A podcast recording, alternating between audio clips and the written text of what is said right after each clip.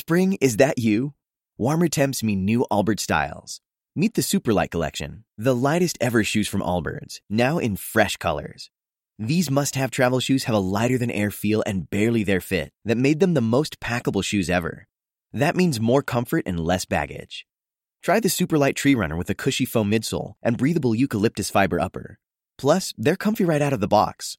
So, what can you do in a Superlight shoe? What can't you do is the better question. And because they're super packable, the real question is where are you taking them? Experience how Allbirds redefines comfort. Visit allbirds.com and use code SUPER24 for a free pair of socks with a purchase of $48 or more. That's A L L B I R D S.com code SUPER24.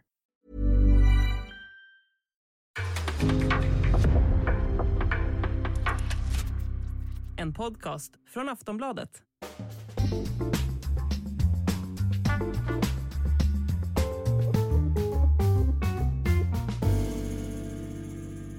Ja, välkomna tillbaka till eh, Sportbladets VM-podd. Vi har kommit fram till Grupp E och Grupp F på vår genomgång utav eh, alla VMs grupper. Här hittar vi Japan, Makoto.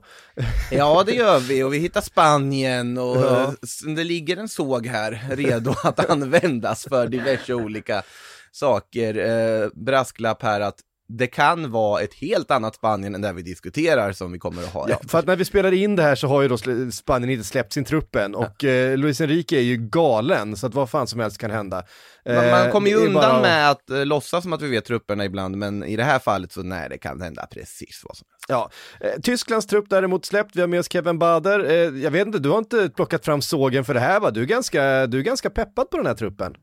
Ja, det skulle jag väl ändå vilja påstå. Det finns vissa grejer som jag kanske vill ifrågasätta, men jag har fullt förtroende till Hansi Flick jämfört med eh, den före detta förbundskaptenen Jogi Löw. Så jag är Ja. lite lugnare Va- i båten. Vi, vi, vi dundrar väl rätt in då och börjar prata om Tyskland, för att eh, visst var man rätt trött på Jogi Löw där på slutet? Ja, eh, all respekt till vad han har gjort för det tyska landslaget och eh, tjänat de senaste ja, 15 åren på sitt sätt. Han var ju också ass till Klinsmann. Men på slutet var det som att slå en tärning och han ville hitta på hjulet på nytt om och om igen. Så det, det känns riktigt skönt att han tackade för sig, eller rättare sagt nästan fick sparken skulle jag vilja påstå, efter ett, ett par fiaskoår. Och sen eh, har nu Hansi Flick klivit in och på något sätt varit eh, förnuftig och nykter i eh, sitt sätt att leda Tyskland.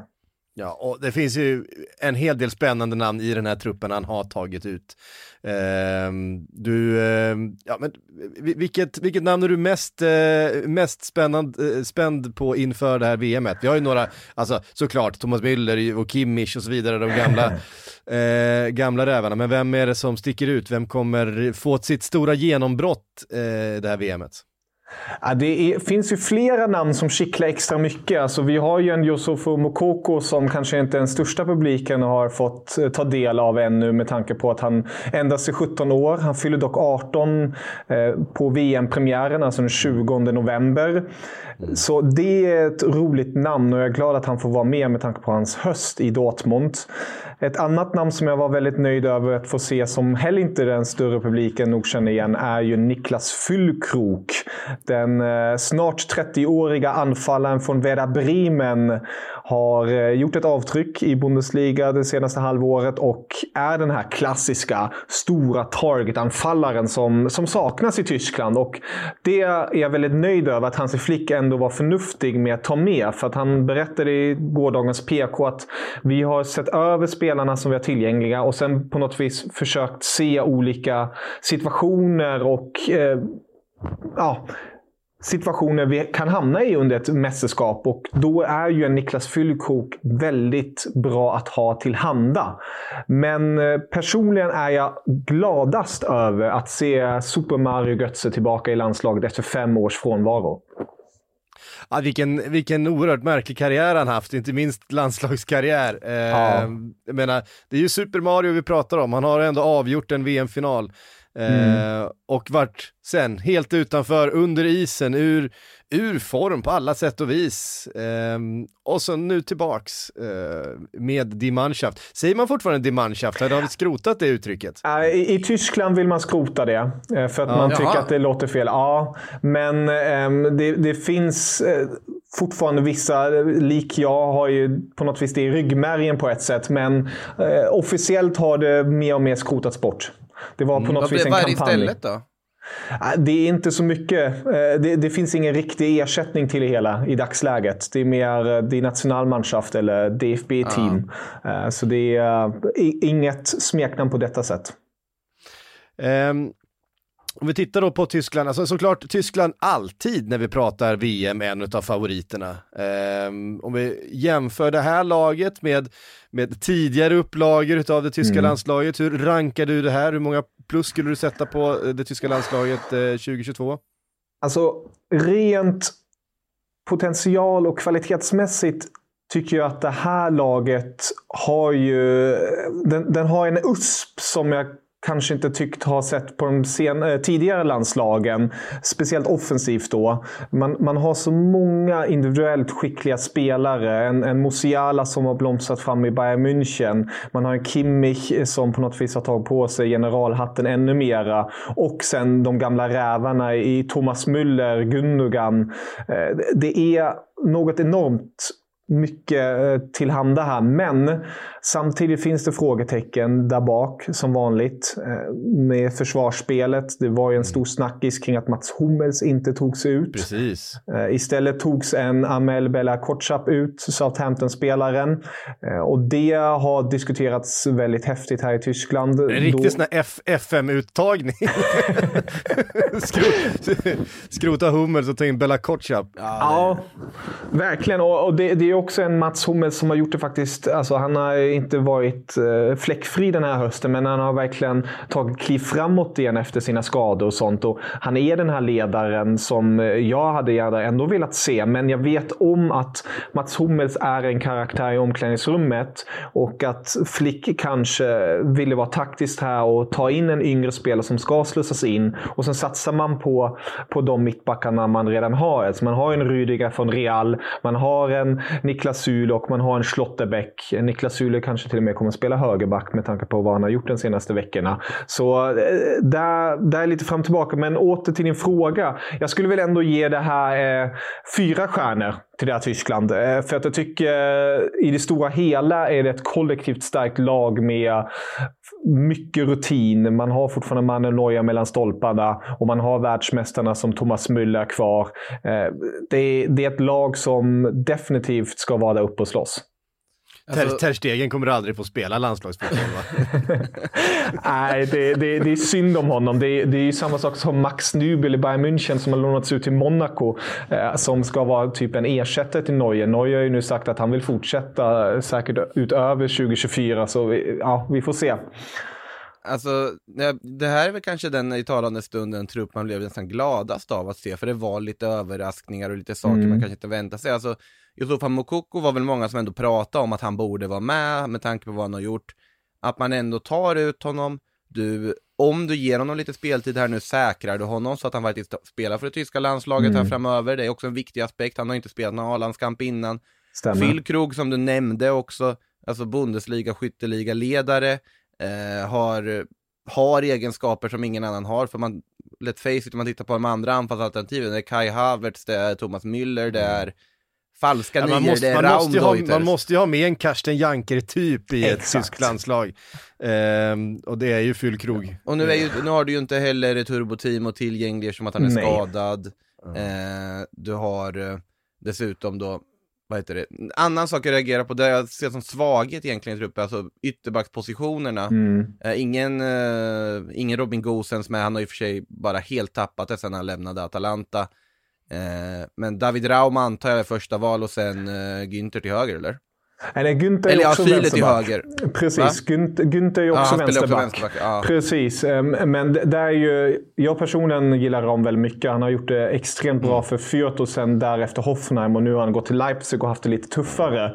Han är ju den här offensiva vänsterbacken som är lik Åsens men bättre defensiv ändå. Men det finns ju ett par frågetecken där. Men precis som du är inne på Makoto, alltså det är ju inga solklara. Men så var det ju också lite med Tyskland 2014. Man hade hade en Huvides, Benedikt Huvides, mittbacken på vänsterbacken när man tog det där VM-guldet. Mm. Men man hade självklart också en Filip Lahm på högerbacken. Det, det, det, det saknar man ju. Men jag tror ändå att det här, det här, den här försvarslinjen den kommer inte göra under och bjuda på eh, fina highlights-klipp på det sättet. Men jag tror med Neuers direktiv bakifrån kan den ändå göra jobbet, så att säga. Så äh, det blir spännande. Det, det stora utropstecknet var också att Lukas Klosterman, Leipzig-försvararen, togs med, trots att han knappt har fått spela under hela hösten med tanke på hans skadesituation. Han är en högerback också, likt Tilo Kera som kan spela lite var som. Men hans, hans höst kan man ju definitivt diskutera i West Ham. Men, men Klosterman kan väl också spela lite var som helst, så det är ganska tydligt att Kehrer mm. Klosterman är värvade, alltså blir intagna i den här truppen som backups. Mm. Och att det är spelare som Rydiger, Syle, Raum och så vidare som kommer mm. att vara ganska cementerade i den här startelvan. Finns det noll chans, det gör väl det, att, att till exempel en Kimmich går ner och faktiskt spelar högerback eh, om det är så att man har lite tungt. Men, menar, det finns ju alternativ i Goretzka och, och Gündogan och så vidare på centralt mittfält som kan ta den rollen. Mm. Om man vill få in alla de här spelarna samtidigt. Mm. Eh, har det diskuterats någonting? Jag menar, Kimmich är kanske världens bästa ytterback. Mm. Fast han alltså, aldrig spelar där. alltså han, det, det, har varit ett väldigt hett ämne, speciellt när Jogi fortfarande hade kontroll över landslaget. Men när Flick kom in var det väldigt tydligt att Kimmich är den centrala länken i mitten för, för Tyskland och för Hansi Flicks manskap. Precis som det var i Bayern München. Hans kvaliteter kommer bäst fram där. Och det är ju självklart, precis som du är inne på där Patrik, med, med just Gundogan-situationen också. Och där mm. tror jag att vi kommer få se en hel del rotation match till match beroende på motstånd. Vill man hålla bollen mera? Vill man på något vis eh, tråka ut motståndet på ett sätt och ha en säkerhet i mitten med, med att ha bollinnehavet? Då tror jag att man kommer få se en Kimmich, Gundogan och Goretzka Goretzka lite mer tillbakadragen eh, central eh, trio, om man nu ska kalla det så. Och sen om man vill gå lite mer på fysik, lite mer power, då kommer vi få se Kimmich, Goretzka, Müller eller Musiala. Så det, där kan man ju justera en hel del och det tror jag också är någonting som Flick är öppen med och uppskattar att han har det tillhanda. För att ser man på det här laget, då har man extremt mycket individuellt skickliga spelare som är duktiga på lite olika grejer. Man har en Leroy Sané som har speeden, men man kanske inte vill ha honom inne. Man kanske vill slänga in en Mario Götze som som löser upp ett försvar på ett annat sätt istället. Så där har man alternativ. Sen eh, får man ju se eh, om man väljer rätt alternativ till rätt match. Till exempel till öppningsmatch mot Japan. Då skulle jag till exempel vilja se Niklas Füllkrok i startelvan med hans storlek och fysik. Ehm, och se vad han kan åstadkomma där. Sen får vi eh, ja, se hur matchbilden urartar sig. Eh, jag tror ju att en sån spelare som Musiala, om han får chansen, visst om man har följt eh, Bundesliga och Bayern München, då är han ju ingen, eh, ingen ny bekantskap såklart, mm. men jag tror att han kan få ett, ett, ett riktigt stort internationellt genombrott en sån här eh, VM-turnering faktiskt. Verkligen. En, eh, en, fantastisk fotbollsspelare och han är ju bara 19 år gammal, herregud. Ja. Eh, vi pratar om Moko, Mokoko, men, mm. men jag menar, Eh, Musiala är ju en av de mest spännande tonåringarna i, i, vi har i världen. Ja, verkligen. Eh, så, så, är det ju bara. Och, och, VM lockar en annan publik också. VM lockar en bredare publik som inte kollar alla Champions League-gruppspelsmatcher, inte håller koll på alla ligor och, och, och alla 19-åringar där ute och plötsligt dyka upp. Och jag tror att han kan ta, ganska, att han kan ta plats i det här mm. eh, tys, mm. tyska laget och att han verkligen kan sticka ut för att så bra är han ju liksom. Verkligen. Eh, och gör man det, och Tys i Tyskland som då också definitivt kan gå långt, det kan vara hela, hela mästerskapets stora utropstecken tror jag. Mm. Nej, det, det, det, skriver under på det.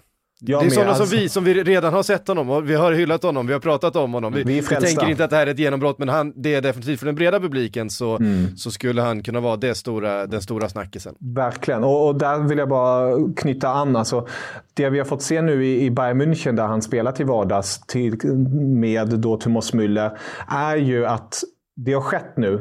Slutet på en era. Thomas Müller som har varit den, den givna punkten i Bayern. En synonym till Bayern München med vinnarskalle och på något vis eh, energisk på planen, vill alltid mera han har ju varit skadad och varit borta och när han har varit borta tidigare har det inte funkat. Det är som van Gaal en gång sa i tiden, Thomas Müller spelar alltid, punkt.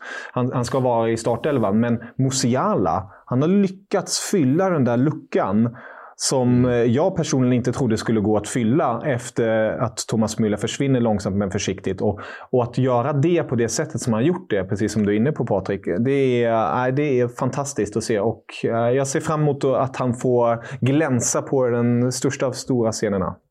Det man önskar ju också är att vi, vi någon gång under mästerskapet får, får se England mot eh, Tyskland också med tanke på att ja, han har ju faktiskt representerat England hela vägen upp till U21 eh, nivån och har ju spelat mm. med, han är ju jättenära vän med till exempel Jude Bellingham och eh, en del av de andra. Och när en panikinkastad Bella Kotchap stänger ner Harry Kane. Så, så.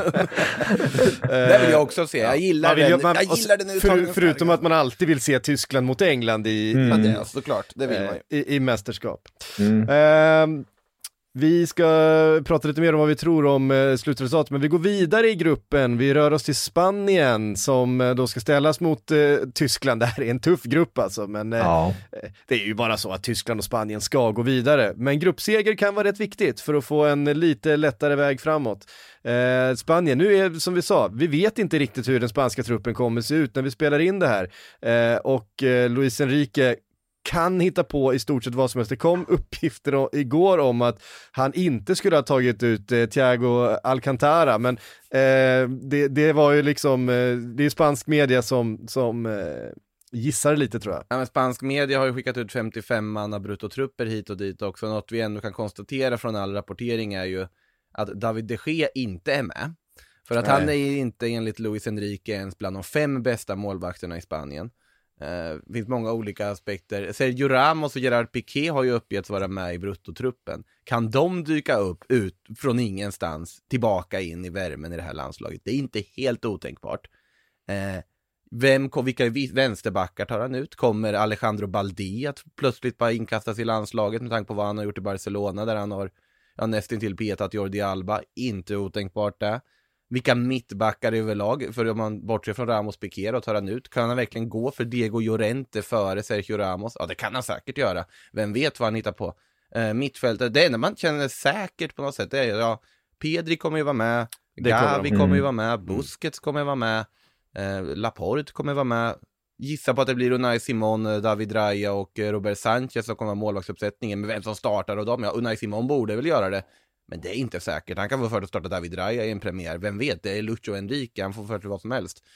Eh, anfallslinjen också jätteoklart. Ferran Torres lär vara en viktig del. Det skulle jag tro. Eh, jag har väldigt svårt att se något annat. Alvaro Morata lär vara första valet på topp. Obegripligt, men ja. ja jag tror att Alvaro Morata är, om inte Borja Panda Iglesias har varit tillräckligt bra i Betis för att gå in och vara centertank där, inte heller helt otänkbart. Aspas?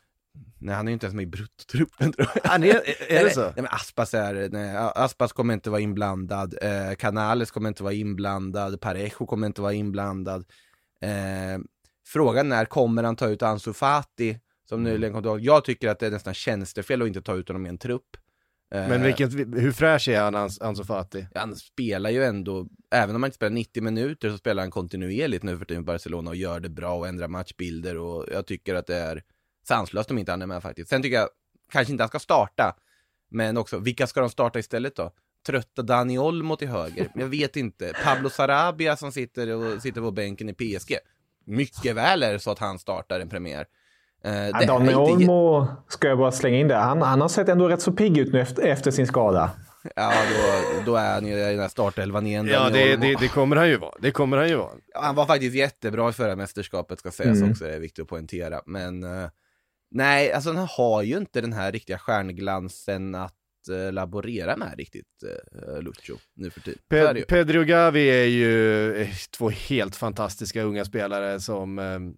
Ja, för, men också, du har ju Rodri som ett alternativ. Ja, de, definitivt. Som jag inte tror kommer starta. Som, som vill bli petad utav Busquets. För Busquets kommer nog vara första valet där, ja. och då vill han nog ha Pedri Gavi och bygga det här mittfältet kring dem. Frågan är vem som ska göra målen. Morata.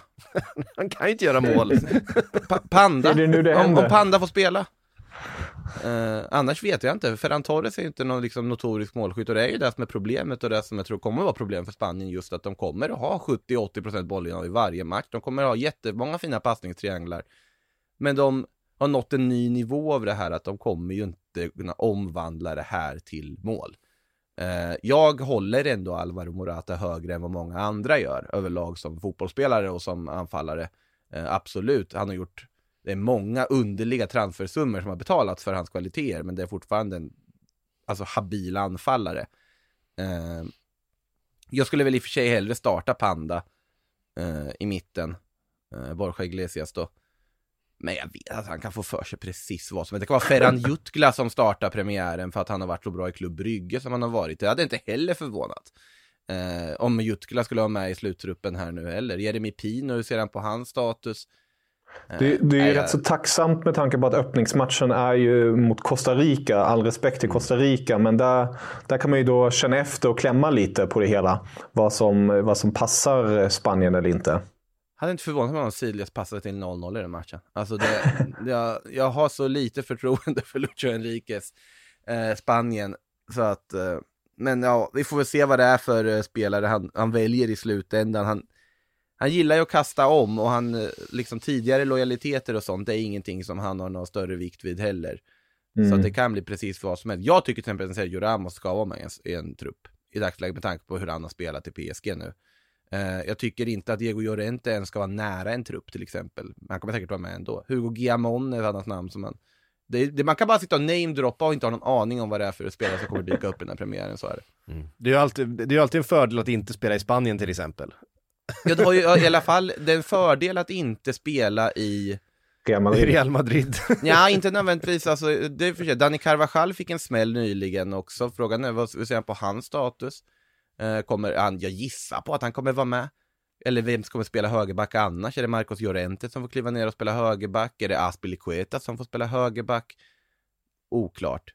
Och vänsterbacken, har sagt, jag har ingen aning. Är Marcos Alonso med i truppen? Kommer det vara Alba? Kommer det vara Balde möjligtvis till och med? Gaia?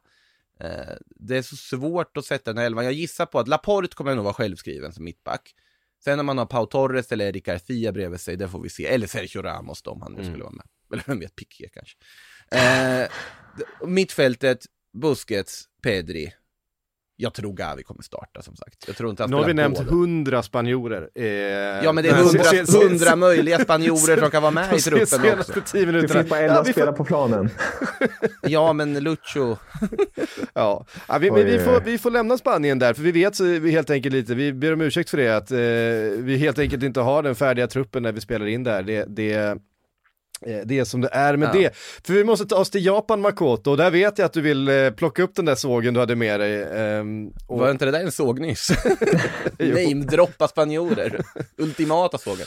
Nej, eh, Japan var ju föredömliga dock på att de släppte sin för, trupp första november eh, redan. De var först av alla att släppa sin 26-mannatrupp, men sen de som och det var... gjorde dig rasande. Eller, ja, det som gjorde mig rasande var att absolut, jag fattar varför eh, förbundskaptenen Moriyasu vill alltså bygga på den här kärnan som man har satt ihop i Copa America och under OS så att det är många sådana spelare som användes under de mästerskapen i U23-truppen som också får chansen här i A-truppen. Men det är väldigt mycket också, han har ju inte haft örat mot rälsen så att säga. Han har inte sett vad till exempel en Kyogo Furuhashi har gjort i Celtic där han har kastat in mål på löpande band och varit i stor form och varit Ja, för det finns en hel del formstarka spelare i Japan, eh, verkligen. Jag tänker på eh, Kamada i Bundesliga, Mm. Mitoma i... De här är i, ju givetvis med de två i, alla fall. Ja. i Brighton, men det, det är ganska spännande i japanska lag just med tanke på att det är så, så pass formstarka spelare som eh, kommer och som har vinden med sig på något sätt och väldigt offensivt. Mitoma, jag vet inte vad han håller på med men han, han spelar ju på, eh, på, på högsta nivån verkligen nu varenda gång man ser honom. Det blir väldigt spännande att se om man kommer att eh, starta faktiskt, eller hur man resonerar där. Eh, men det som jag saknar i det här Japan är, vem ska vara slutprodukten? Vem ska göra målen? Mm. Vi har sett Japan under kvalet spela Minamino som target. Och Minamino är inte en target, han är en offensiv mittfältare. Eh, och om man tittar på anfallsalternativen bakom det, man valde att inte ta med Osako som var tillbaka från skada och ändå börjat göra lite mål för Vissel Kobe. Han var så sur över det att han inte ens ville vara med i eh, alltså reserv, alltså backup-delen. Furuhashi som sagt i Celtic har öst mål där. Han har inte varit lika bra i landslaget ska sägas när han fått chansen. Men snälla någon, du tog ut Takuma Asano. Han har, han har liksom suttit på, han har inte spelat fotboll på hela hösten i princip och inte gjort det bra väl få gånger han har spelat i, Mm. i Bochum. Eh, jag vet, och så är det liksom, Ueda har kommit med från Cercle Brygge, absolut, han har gjort det bra när han kommit till belgiska ligan, helt okej i alla fall. Eh, nu har man ju en till anfallare som kommer, ja Daizen Maeda togs ju med från Celtic. Han är Mm. alltså en som är backup-alternativ till Furuhashi i Celtic. Men Maeda är med i truppen. Eh, kan- Rio Hatate som varit strålande i Champions League, inte med i truppen till exempel. Men där är det mer en konkurrenssituation. Kan bara slänga in med Kamada. Han har ju Mm. verkligen gjort det riktigt fint den här hösten i Eintracht Frankfurt. Han är ju faktiskt den spelaren som har högst betyg hos Kicker. De, de lägger alltid ut sina betyg efter varje omgång. Och lägger man ihop alla betyg som alla spelare har fått hela tiden så ligger Kamada på högst betyg, 2,45. 1 är ju då bäst i Tyskland och 6 är det sämsta. Och han är ju, precis som du är inne på, alltså, han är ju en, en spelare med rutin och har ju stått för sju mål och fem assist också. Så det är ju... 12 mål alla, alla eh, tävlingar. Exakt. Den här hösten. Så fort det har plingat från Eintracht Frankfurt i Champions League när man tittat på andra matcher så har det ju varit Kamada som står där. Eh, Precis. han blir ju viktig där i centrala rollen och jag har väldigt svårt att se att han inte ska vara första valet där. Sen vad du väljer runt honom, om du har Junya Ito eller om du har uh, Takefusa Kubo såklart som är med i truppen, eller Mittoma som vi nämnde. Jag tror har man med en Mittoma i den här formen eh, som han spelar nu, Mm. i det här sättet han spelar på, för han är ju så otroligt sevärd. Alltså han är ju en dribbler. Ja, Eh, det, här är, det här är problemet. Varenda en på det där offensiva mittfältet är det. Och då blir, får du inte så mycket slutprodukt och det är det klassiska japanska problemet. ja men där måste ju Kamada vara där och peta in bollarna. Ja. Eh, Och, och minnen såklart då. Ja. Viktiga här blir ju också inne mittfältet bakom. Wataru Endo måste ju nämnas, eh, lagkapten i Stuttgart, eh, fantastisk fotbollsspelare. Som kommer ha en jätteviktig roll att vara balansen där och länken mellan försvar och anfall. Eh, Morita Breve som har gjort det bra i Sporting. Tomiyasu och Yoshida och Nagatomo och så vidare, gamla gard. Tomiyasu är inte så gammal. Nej. Men sådana som varit med ett tag i försvaret och har väldigt mycket rutin där. Kommer Tomiyasu spela till höger i försvaret? Mittback. Han, han blir mittback i... Gissar jag på. Men i och för sig, om Itakura är frisk, eh, de har ju inte något solklart. Ja, det är Sakai som antagligen spelar högerback då. Men det är, Tomiyasu kan ju användas överallt, men i landslaget har han ju varit mittback primärt. Mm. Eh, inte otänkbart att de har Tomiyasu och Itakura som mittbackar, Sakai till höger, Nagatomo vänster. Han har ju tappat sin position i Arsenal till Ben White eh, som högerback, eh, Tomiyasu. Han tappar inte sin landslagsposition. Nej, nej, nej, varit det- det är klart. Ja. Men, men, men i landslaget så spelar han främst mittback helt enkelt. Det har han gjort tidigare i alla fall Mm. också. Det, det var ju därför jag, jag har sett honom som en mittback snarare. Han är ju ganska, han är ganska lång och stor, alltså han, är, Mm. han, han har ju den där, det fysiska spelet i sig verkligen. Han är en duktig duellspelare så att eh, jag kan ju definitivt se honom som en mittback. Absolut. Nej, men det är alltså, truppen är ju bra på så vis. Det finns ju många som är på gång. Jag är irriterad på att Furuhashi inte är med. Eh, jag tycker att man ska ha så pass bra form som han har visat och med tanke på de andra alternativen. De tog ju ut en backup här nu också. Nakayama blev ju skadad, backen i Huddersfield. Då kom ut ännu en forward istället. Roliga med det är att han heter Shuto Machida. Eh, och Shuto är ju skjuta på japanska, liksom Shuto. Och det heter han. Och det är väldigt roligt. Det är ett vanligt namn, men det är ändå roligt. Ja, en avslutare. Ja, han har ändå gjort ett gäng mål för Shonan Belmare i eh, Japan, så att eh, kanske han kan få chansen, vem vet.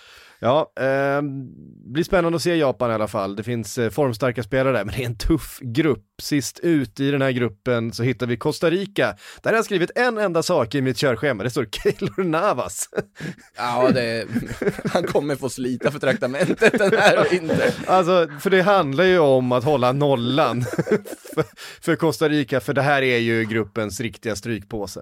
Ja. Vad är, det, vad är det för trupp de har med sig? Alltså förutom, det, det är ju inte mycket att hänga i julgran, absolut. All respekt till Celso Borges eh, för det han gjorde, gjort under sin karriär, all respekt till Brian Ruiz för det han gjort i sin karriär. Och visst kan Joel Campbell göra några mål, men Joel Campbell, det är en spelare man inte, man inte har tänkt på han på kommer starta där på topp ska du se. Det, ja, annars så vet jag, det är väldigt mycket spelare i inhemska ligan. Sen är det lite ströproffs i MLS och så vidare. Kendall Waston och lite annat.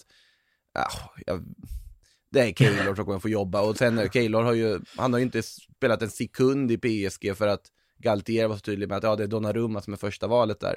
Mm. Så Keylor Navas, en av världens bästa målvakter, har, ju knappt, har inte spelat under hela hösten. Men i Costa Rica, ja, där kommer han få spela och där kommer han få göra räddningar och han kommer få jobba så hårt för att, det ska, för att man ska göra det omöjliga möjligt. Nej, jag Han tänker kan när- göra det. När jag tänker på Costa Rica så tänker jag främst på den fina öppningsmatchen 06 mellan Tyskland och Costa Rica. När Filip Lahm vände in där och sköt upp i krysset. Ja, det målet, det ja, var... Ja, ja, det är Jag tänker på fantastiskt. Paolo Wanchop, men det, det är långt bak i tiden. Den gamla City-strikern. Och just det, jäklar. Nej, men de gjorde ett fantastiskt... Är det, bara eh, jag, det är bara jag som kommer ihåg VM 90 utav oss. Eh, Ja. Ja, ja det är det. Men eh, däremot när Costa Ricas eh, super-VM de gjorde där var det väl 14 va? När man gick eh, väldigt Mm. långt. När Keylor Navas fick sitt stora genombrott, det VMet som gjorde att han blev värvad av Real Madrid och så vidare och hans karriär gick spikrakt där från Levante. Eh, det VMet kommer man ju inte återupprepa. Det kan Nej. jag lugnt konstatera. Nej. nej, det kommer man inte göra. Man kommer inte ta sig vidare från den här gruppen. Eh, så då är frågan, vad får vi för slutställning i den här gruppen? Eh, vi kan börja med Makoto.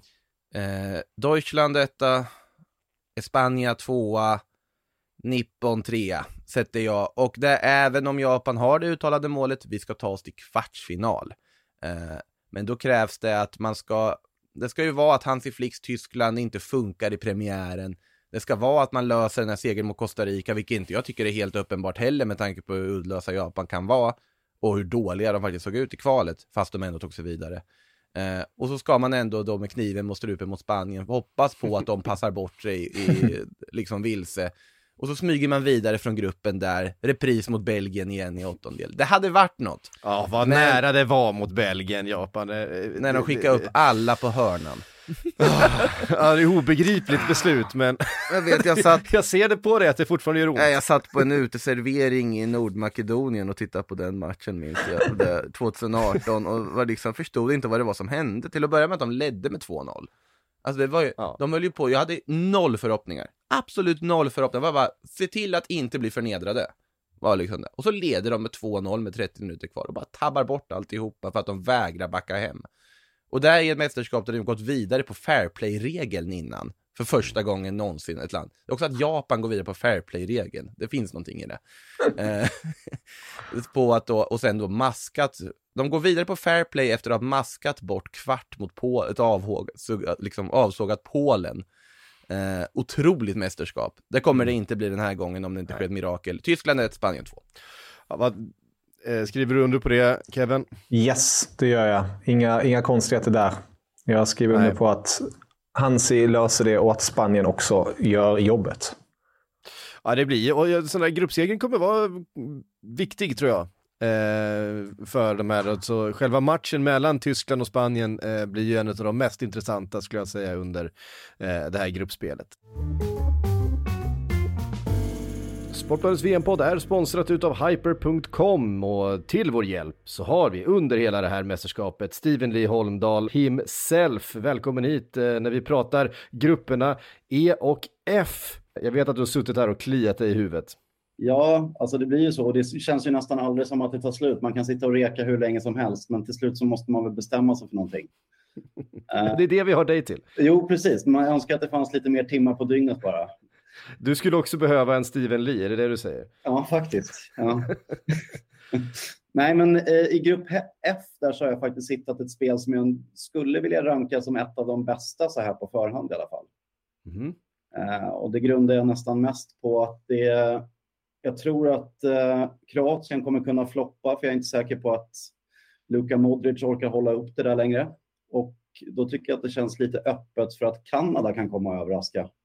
Oj! Eh, de har, alltså jag följer ju MLS ganska mycket eftersom jag inte kan sova på nätterna så måste man ju titta på någon fotboll då också. Så jag vet att de har många spelare som gör väldigt bra ifrån sig där. Och sen eh, nu verkar det väl mer och mer som Alfonso Davis, då, Bayern München-stjärnan, ska vara fit for fight. Och I Bayern München får han ju flytta runt på lite olika positioner, men i Kanada så spelar han ju anfallet då med Jonathan David och underskattade Kyle Larin som öste in mål i kvalet. Men, och egentligen då det som jag hittat är att Belgien kommer ju vinna den här gruppen. Det känns ganska klart. Eh, och då kan man spela Belgien som etta och sedan spela att Kanada kommer tvåa och då blir oddset 7,50. Eh, och det tycker jag är väldigt intressant eftersom det egentligen bara handlar om att spika in grupp tvåan då, för Belgien kan vi väl räkna hem tycker jag. Eh, så ja, Kanada är riktigt bra alltså, så att det, jag tror att det där kan vara riktigt bra till slut och 7,50 känns väldigt intressant. Mm, spännande. Eh, den där hoppas du får rygg på. Eh, de här oddsen hittar ni såklart då på hyper.com. Kom ihåg att du måste vara 18 år för att spela och är det så att du eller någon du känner spelar lite för mycket så gå in på stödlinjen.se och läs mer. Vi lämnar grupp E då och tar oss vidare till grupp F som vi ska uh, avhandla också. Inte, alltså i mitt tycke kanske hela VMs minst intressanta grupp på förhand. Uh, Jag tycker den här är trevlig. Uh, vi hittar åtminstone Belgien. jag har skrivit sista dansen för den gyllene generationen. Verkligen sista dansen. Gånger, men, men, nu är det verkligen, nu är det liksom de här sista, sista, sista resterna av den gyllene generationen. Mm. Vi har ju en Kevin De Bruyne såklart, en av världens absolut bästa fotbollsspelare, varit helt briljant under den här hösten, igen. Eh, har under så många år visat att han är en, alltså han har egenskaper som ingen annan fotbollsspelare i världen mm. har. De har eh, världens bästa målvakt. De har världens bästa Även målvakt. Även om han hade två de, handskarna igår, men det är en annan sak. och det skulle jag säga är, är de två resten av den här gyllene generationen som fortfarande är uppe på den här nivån. Hazard är ju inte det längre. Vi har ingen Vincent Kompani längre. Vi har ingen Alderweireld som... Han är med. Vad sa du? Alderweireld är med. Ja, Alderweireld är med, men det är ju långt ifrån den Alderweireld som vi hade för en 5-6 år sedan. Eh, Fertongen är också med, men det är också långt ifrån den Fertongen som vi hade. De i för... Antwerpen och Anderlecht idag, det säger väl en del. Ja, precis. Det finns en Axel eh, Witzel som nu spelar i, i Spanien, men kanske inte blev den spelaren vi hoppades på. Lukaku. Skadad, mm. Eh, men Frågetecken runt vad han är med mm. i truppen. Du vet, det är fortfarande Batshuayi som finns där bakom uttagen. Eh, jag vet inte, de har inte lyckats fylla på med spelare av samma kvalitet i det belgiska landslaget och det här är ju sista chansen för dem att, att göra något. De, de har en tredje plats eh, med sig från det här, men det, eh, det räcker där, inte riktigt. Ur det här perspektivet finns det ändå vissa saker i den här truppen från Roberto Martinez jag gillar. Eh, det är ganska många väldigt icke landslagsmeriterade spelare han har tagit ut. Tänker på en spelare som Luis Openda i Lens, uh, Artur mm. Teate i, uh, jag vet inte om det uttalas Teate, det känns som att det, det är inte så belgiskt, i Bologna.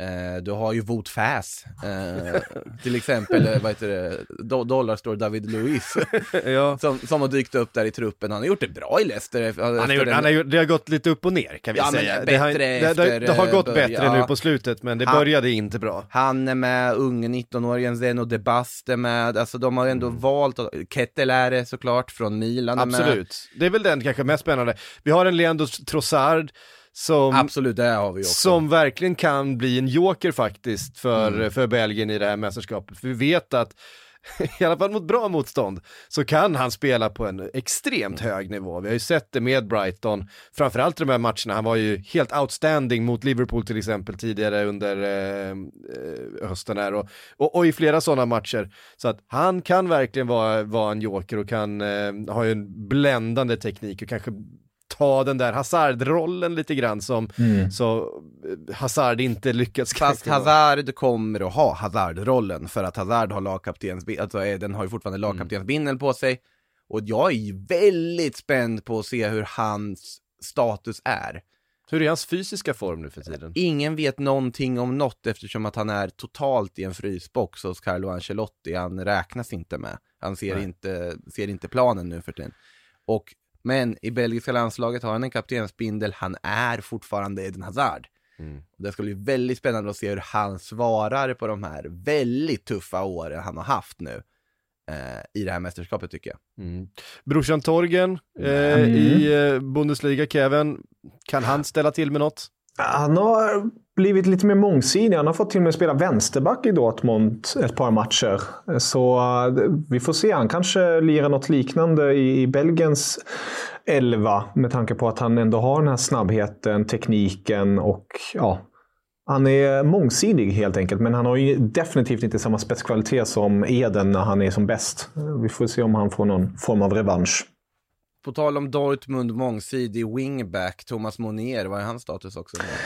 Äh, Han skadade ju sig eh, och eh, som jag förstod det är han ju borta. Eh, Jag vet, han är ju heller inte, han är väl heller inte uttagen nu i, Han i kanske inte detta var med i truppen, det, Nej. hade jag helt- helt förträngt i sånt fall. Precis, det, det är han är- jag han- Thomas Monier. Ja, han, han, är, han är stabil. Han är ju inte wow, men han, han brukar göra jobbet. Han har vuxit in i rollen lite mer där i Dortmund, men med tanke på hans skada och sånt så det är därför en Niklas Süle har fått hoppa in och leka lite Sylinho som man kallar honom i Tyskland. Eh, Så nej, ingen Monier för Belgiens del. Otroligt, otroligt snäv referens nu. Men eh, Thomas Monier har ett av mina absoluta favoritkort i Fifa genom tiderna. Fifa 18. Det, det, jag vill bara lägga, i, lägga in det. Jul. Monier, vilket, vilket kort det var. Ja. Eh, Så är det.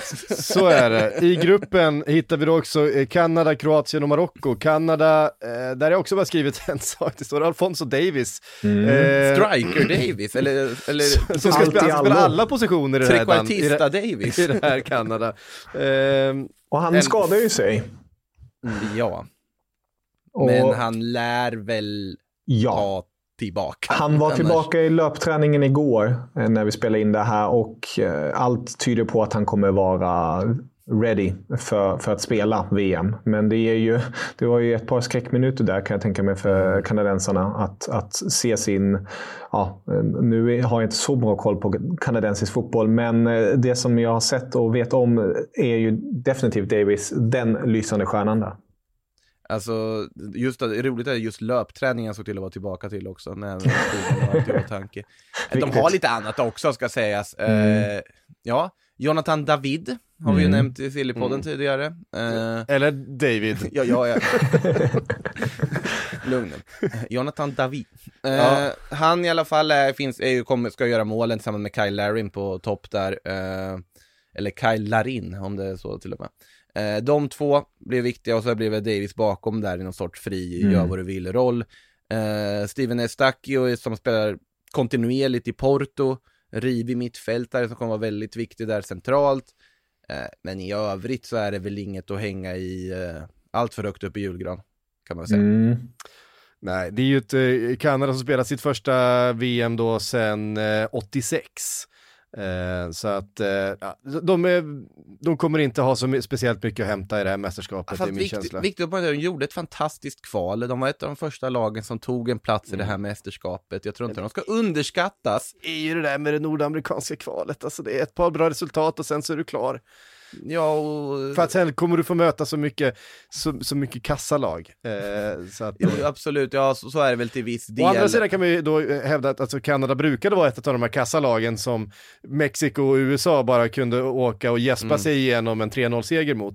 Eh, och det är man ju inte längre, utan nu har man ju faktiskt kunnat ta poäng även mot sånt motstånd. Så att, eh, Mm. Det här är ju ändå ett lag som då alltså har gått, haft, gått jämnt med... Jag menar inte att de inte, här, att de inte förtjänar sin plats. nej, nej, nej, det är eh, på något sånt sätt, så. men- Och det gör Costa Rica också givetvis, som Ja. vi toksågade förut, men nej, de är ju, på pappret ska de ju inte kunna gå vidare från den gruppen, så är det ju. Nej. Eh, och mot sig har man ju då också Kroatien i final senast, men det är ju inte alls samma Kroatien nu fyra år senare. Eh, hade det tufft i kvalet, har haft det tufft i typ Nations League och så vidare. Eh, Ja, nu gick det ju bra i Nations League senast Ja, allra senast så, så, så gick det bättre igen. Men det, men det är inte samma Kroatien som eh, spelade VM-final för fyra år sedan. Men det, pressad, finns, ja. Men det finns ju verkligen rutin där, får man, får man lov att säga. Det, det känns som ett så kollektivt starkt lag när man tittar på truppen. Alltså man har ju fortfarande, att han, han, han springer fortfarande lä- längs kanten i London, Ivan Perisic. Och sen har man en trogen Kramaric i, från Hoffenheim. I, I mittfältet med Luka Modric och Kovacic, eh, Brozovic. Eh, och i försvaret, mina två favoritspelare i Kroatien med tanke på Bundesliga-bakgrunden. Det är ju Josko Gvardiol, Leipzigs eh, fina underbarn, försvararen. Och då Borna Sosa från Stuttgart som har en extremt känslig vänsterfot. Som definitivt kommer pricka en och annan eh, medspelare i pannan så att den kommer gå in i mål. Du kan inte säga favoriter i ett kroatiskt försvar utan att nämna Domagoj Vida. Det är så kul att han är med igen. Eh, Ja, ingen Kaleta Kar. Eh, nej, han, eh, han kom inte med. Nej. Det var väl eh, efter eh, kollega Josip Ladans eh, rejäla sågning där tidigare under Men däremot sommaren. Dejan, Dejan Lovren och Demagoy Vida är, är fortfarande där. De har gojer där och det gör mig glad. Men eh, äh, det, som sagt, alltså, Guardiol som du nämner är ju väldigt spännande och det är ju Mm. spelaren som på något sätt verkligen måste kliva fram här och ska vara det nya Kroatien. Absolut, du har ju Luka Modric som fortfarande är världens bästa mittfältare. Mm. Var lite roligt här nu efter matchen, eh, de spelade här mot Cadiz precis innan då VM-uppehållet så brände han ju ett, ja, princip helt öppet mål, en osannolik miss. Och Carlo Ancelotti sa ju till honom direkt efter, ja tur att de har tagit ut den kroatiska truppen redan. Eh, annars hade det nog rykt. Eh, men eh, det är lite frågetecken överlag på Marcelo Brozovic skadesituation, har ju missat hur mycket matcher som helst här nu i Inter under, under säsongen. Kovacic har varit väldigt mycket ut och in i startelvan, mest varit Mm. känd för att vara lättklädd efter match och, och eh, gurglat med eh, Granit Xhaka. Eh, har inte gjort så mycket egentligen i Chelsea som varit dysfunktionellt. Vem kommer spela på topp? Är det Kramaric som kommer vara den? Ja, för Eller det är ju det den stora frågan, vem ska göra målen eh, för Kroatien? Marko Livaja? Kanske, som har gjort det superbra eh, på hemmaplan där. Ante Budimir om du vill ha en, liksom, det är target. inga mål, det är ingen målgaranti på någon av dem, det kan vi säga. Livaja kommer ju sätta någon boll eller två ifall han får spela tror jag och Budimir kan absolut göra sina mål. Kramaric är väl en mer, alltså finurlig, eh, Mm. alltså kreativ typ av anfallspjäs. Eh, Men det, är, det finns lite frågetecken tycker jag kring det här laget och vi- som sagt, vi kommer komma in på tipset i den här gruppen för det kanske överraskar vissa. Mm. Ehm, vi har ett lag kvar att eh, hantera, ett spännande lag, Marocko. Eh, skulle kunna ställa till med någonting i det här VMet. Jag har en liten, liten känsla för Marocko. Där finns, visst, eh, Hakim Ziyech eh, har kanske inte haft sina absoluta bästa säsonger de här eh, två senaste, men kvaliteten finns där. Hakimi, hur är status?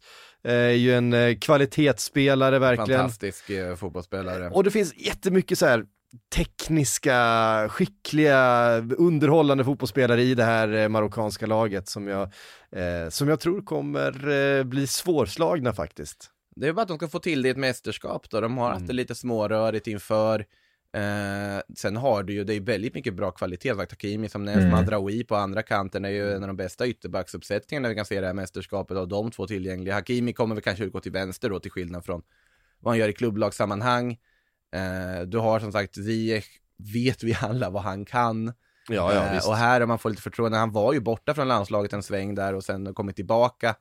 Eh, Josef Enesiri hade ju en supersäsong i Sevilla där ett tag, nu är han ju inte i närheten av den nivån, men samtidigt, han drar på sig landslagströjan, men vet vad han kan göra. Sofian Amrabat på mitten. Mm. Jag saknar ju givetvis brorsan Nordin Amrabat i den här truppen. Eh, tror inte ens han var aktuell, men ändå. Eh, nej, jag tycker också de har Bono i målet, ska ju inte förglömmas heller, en jätteskicklig målvakt. Eh, det är en bra trupp överlag de har. Mm. Eh, och eh, det är väl om de kan få Stabil. ihop det på ett bra sätt. Eh, ja, Roman Saiz i mitten är jätteviktig också, Wolverhampton-backen som kommer att ha en ledande roll i mittförsvaret. Inte i Wolves längre. Nej, Han är- just han det. är besikt- Tidigare Tidigare, han är, han är besiktas nu för tiden. Det är han ju såklart. Eh, men, eh, men såklart, är jätterutinerad, väldigt, väldigt viktig pjäs i, i ett, tycker jag, vilket välbalanserat Marocko med rutin, eh, med flärd, med poängspelare, med, eh, och sen ett, ett landslag som liksom på något sätt ska göra det här nu. De har också en liten, liten gyllene generation kan man säga som, eh, jag vet inte, det, det känns som att de har hittat något. Mm, du har ju lite folk också som kan gå in och förändra matchbilder. Jag tänkte vi får se om Monir El Haddadi kommer att starta eller vad han kommer att ha för roll. Eh, Barca-talangen numera i Osasuna, Esabde, eh, eller Abde Ezazuli som han egentligen heter. Och han kan ju också vara en sån här spelare som kan kasta in för att förändra matchbilder. Amina Eh. Harit är skicklig Ja, mittfältare. de- sitter här och namedroppar Marocko utan att nämna Harit. Det är, det är svagt faktiskt. Han kommer bli jätteviktig i, i mittfältsrollen där Man också. ska säga att det har ju varit ganska stökigt i det marockanska landslaget. Mm. Ziyech har ju inte spelat på, i, i ett och ett halvt år för att de inte har kom- kommit överens. Men de har ju grävt ner stridsyxan då mellan förbundet och Ziyech. Mm. Och ska liksom, och har siktat då under de här senaste månaderna mot det här VMet. Eh, så att det blir, eh, jag vet inte, jag, jag har en känsla för eh, Marocko. Vad säger ni då? Om vi ska tippa grupp F? Ja, Ke- vänta, nu får Kevin börja. Ja, alltså den här är ju mycket lurigare. Alltså på pappret och ser man på namnen och rutinen så, så vill, vill man ju, eller jag tänker ju då Belgien och Kroatien framförallt. Men det är någonting som vi var inne på nu, Mar- Marocko, som, som kittlar en och som kanske kan vara den här skrällen i den här gruppen på ett sätt. Jag, jag tror mer på Kroatien än Belgien, så jag sätter definitivt jag sätter Kroatien före Belgien. Och sen säger jag verkligen, alltså Belgien kommer vidare på, på håret bokstavligen. För att Marocko, de gör livet surt för belgarna. Så uh, Kroatien etta, Belgien tvåa, Marocko trea och Kanada fyra. Jag tror Kanada är fyra är väl det vi kommer vara överens om alla tre här. Eh, Makoto, hur ser ditt tips ut för grupp F? Jag har lite mer förtroende för det här Belgien överlag. Eh, Jag har dem som etta. Däremot min lilla skräll i sammanhanget att Marocko tar andra platsen och går vidare och Kroatien Mm. ut i gruppspelet. Eh, Jag känner alltså absolut, Latko Dalic gjorde det väldigt bra med det här laget i förra VM. Han gjorde det helt fantastiskt med det. Sen var han, satt han i en väldigt prekär situation med tanke på hur usla resultat de gjorde där under en period. Eh, nu Nations League senast, absolut, de går jättebra, men jag räknar inte sent Nations League som egentligen ett riktigt landslagsuppehåll, för det var ett skämtuppehåll som aldrig skulle ha genomförts. Eh, jag, jag vidhåller den eh, ståndpunkten eh, till, jag vet inte vad. Eh, för att med tanke på skadeläget på alla lag och så vidare. Eh, jag tror Dalic har lite overstayed his welcome i Kroatien. Jag tror att det kan komma en, en mästerskapssmäll här som eh, blir slutet där. Är känslan jag har. Eh, Kroatien borde på pappret vara bättre än Marocko, men jag, jag gissar, eller jag tippar i alla fall, och det gjorde jag även i VM-bibeln som nog finns ute och går att köpa om ni inte har gjort det redan för övrigt. Mm. Så slängde man lite reklam där också. I, Just det. eh, jag säger Marocko 2. Ja. Du då? Ja, men jag skriver under på, din, eh, på ditt tips här, för att jag tror också att Belgien vinner gruppen. Helt, jag tror att Kevin De Bruyne och eh, Courtois tillsammans, de två, de, de vinner en sån här grupp. Eh, jag tycker Kevin De Bruyne är så fantastiskt bra på så otroligt mycket. Han får ett lag att fungera. Eh, han har fått Manchester City att, att vara världens bästa eh, klubblag under flera säsonger. Utan, utan Kevin De Bruyne hade man inte varit det, för att han får, han får lagdelarna att fungera med sin eh, fantastiska blick, med sitt, med, också med, sitt, eh, med sin arbetskapacitet och sina bollvinster. Man glömmer ofta det, för han slår de här fantastiska passningarna, han är en spelfördelare, men han är, han är ju mycket mer än så också. Han har ju Eh. Juri Thielemans bredvid sig också i det här landslaget. Vi glömde ens nämna honom i Belgien. Ja. det, ju- är Eh, ju, det är ju ett bra Och det, är en lag. sån, och det är en sån spelare, visst han har kanske inte haft sin bästa säsong i Leicester, men han får spela bredvid Kevin De Bruyne här. Eh, och jag vet inte, det, det, det kommer liksom lyfta så många utav dem. Så jag tror att Belgien vinner den här gruppen. Jag tror inte kanske på Belgien så mycket i, i VM utöver det. Sen tror jag på Marocko. Jag tror att det är deras, jag tror att de kommer skrälla ordentligt. Eh, Kroatien, ah, alltså det, är- det är liksom Dejan Lovren och, och så vidare. Nej, Jag tror på det kollektiva där. Jag tror på det Ja, jag kollektiva. fattar, jag fattar hur du menar, men det är, så, det, det, det är liksom det är samma gäng och de har blivit ännu äldre. Visst, Luka Modric är fortfarande fantastisk, men... ehm, spelat varenda match också. Är han, eller ja, de har ju ändå lyckats rotera lite, men det är ju slitna Han spelare. det är ett gäng han är- han är lätt som 35-åringar en liksom i en- fjäder, Modric. Han, han bara Ja, det är han absolut, han åldras som vin, det, det är sant. Men Men runt sig har han ju också eh, mycket liksom 30-plussare som har spelat fruktansvärt mycket fotboll de här senaste eh, två åren. Och de har inte Mario Mandzukic. De har inte Mario Mandzukic, eh, de har inte den där naturliga eh, striken längst fram i det här mästerskapet. Mm. Det finns duktiga forwards absolut, men, men den där Självklara, självklara valet. målgarantin längst fram eh, finns inte riktigt. Som sagt, Budimir och Livaja kan vara det, Kramaric kan vara det, men jag, jag, jag vet inte alltså. Jag, det är någonting. Lurig grupp. måste bort. Ja, ja det blir en, eh, det blir en, svår, det är en svårtippad grupp, så är det. Verkligen. Eh, där hade ni det, eh, grupp E och grupp F. Imorgon så kommer vi då med de avslutande två grupperna, grupp G och grupp H, då blir det Brasilien. Eh, det får ni inte missa. Oj, oj, oj. Eh, glöm inte in och gör era lag till eh, Eh, Manager, VM-elvan, ja. VM-11 eh, på Sportbladet. Eh, man kan ju utmana oss där. Eh, med eh, våran VM-pods, eh, vårt VM-poddslag som vi håller på att verka fram. det, det, det, det, det är svårt, det är svårt att ta ut de här, men det är roligt. Och VM 11 är som allra, allra bäst eh, managerspelet när vi kommer till de här slutspelen och de här mästerskapen. Så in och gör ditt lag där, utmana oss och utmana varann, gör en liga med jobbet. Eh, så ses vi där. Och som sagt, imorgon så kommer vi med de avslutande två grupperna, sen så drar VM igång. Hej och hå. Eh, tack Avslutningsvis vill jag bara ja. slänga in, jag vill skicka lite kärlek till Marco Reus som eh, ja. återigen missar ja. ett VM um, på grund av skada. Han, han var med i ett VM under sin karriär och det var det sämsta VM Tyskland någonsin har uh, gjort. Och han var en av få ljusglimtar i det VMet, alltså 2018. Eh, jag trodde du skulle skicka en shout-out till någon först, men det, alltså liksom allmänt så här. Men, det var, det var, ja, men Marco Reus, shout-outen skrev jag under på utan tvekan. Mm. Ja. Kom saknad. Ja, men det är fint. Det är fint. En, en, en, eh, en tanke till Marco Reus. Mm. Eh, tack alla ni som har lyssnat. Vi hörs imorgon igen.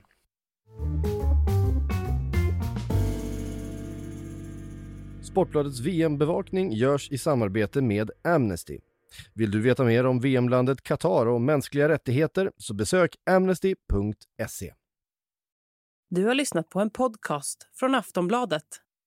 Ansvarig utgivare är Lena K Samuelsson. When you're ready to pop the question, the last thing you want to do is second guess the ring. At BlueNile.com you can design a one-of-a-kind ring with the ease and convenience of shopping online. Choose your diamond and setting. When you find the one, you'll get it delivered right to your door. Go to Bluenile.com and use promo code LISTEN to get $50 off your purchase of $500 or more. That's code LISTEN at Bluenile.com for $50 off your purchase. Bluenile.com code LISTEN. Sån.